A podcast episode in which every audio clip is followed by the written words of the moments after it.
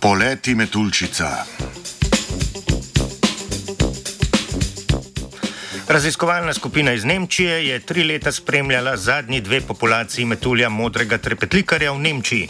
Glavni namen raziskave, objavljene v reviji Basic and Applied Ecology, je bil pridobiti podatke, ki bi omogočali ustrezno ohranjanje vrste.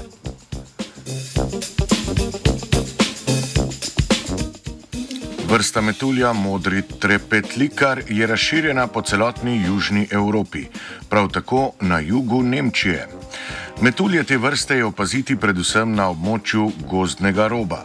Zaradi sprememb v upravljanju z gozdovi so se prostorske povezave med habitati metulja v Nemčiji izgubile, prav tako rastline, s katerimi se vrsta prehranjuje.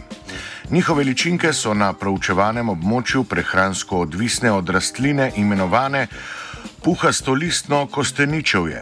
Za vrsto, pri kateri osebki živijo v ločenih populacijah, so potrebne prostorske povezave med populacijami, prek katerih se posamezni osebki lahko izmenjujejo. Izmenjave posameznih osebkov med prostorsko ločenimi populacijami omogočajo večjo genetsko raznovrstnost, kar poveča možnost preživetja vrste.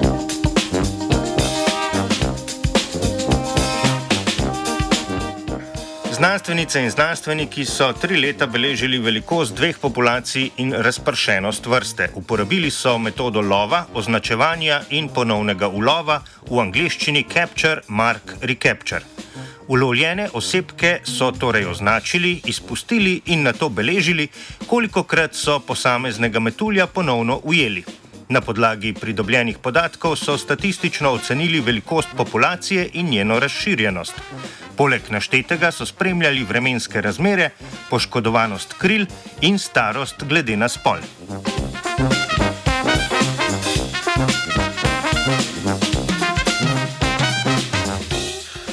Rezultati raziskave so pokazali, da na raziskanih območjih ne biva več kot 130 odraslih osebkov metulja, modrega trepetlikarja.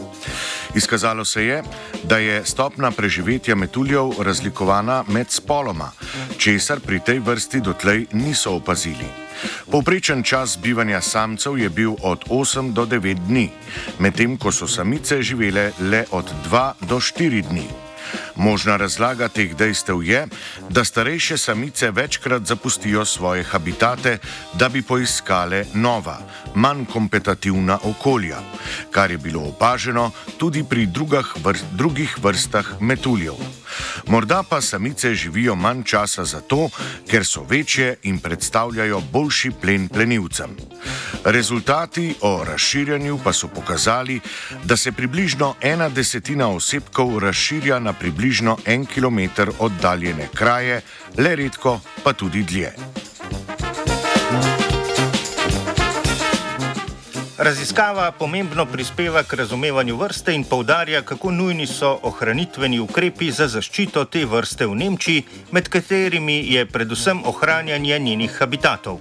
V raziskovalni skupini predlagajo predvsem ustvarjanje novih zaplat habitatov s puhastolistnim kosteničevjem, ki so med seboj oddaljene največ kilometr in pol.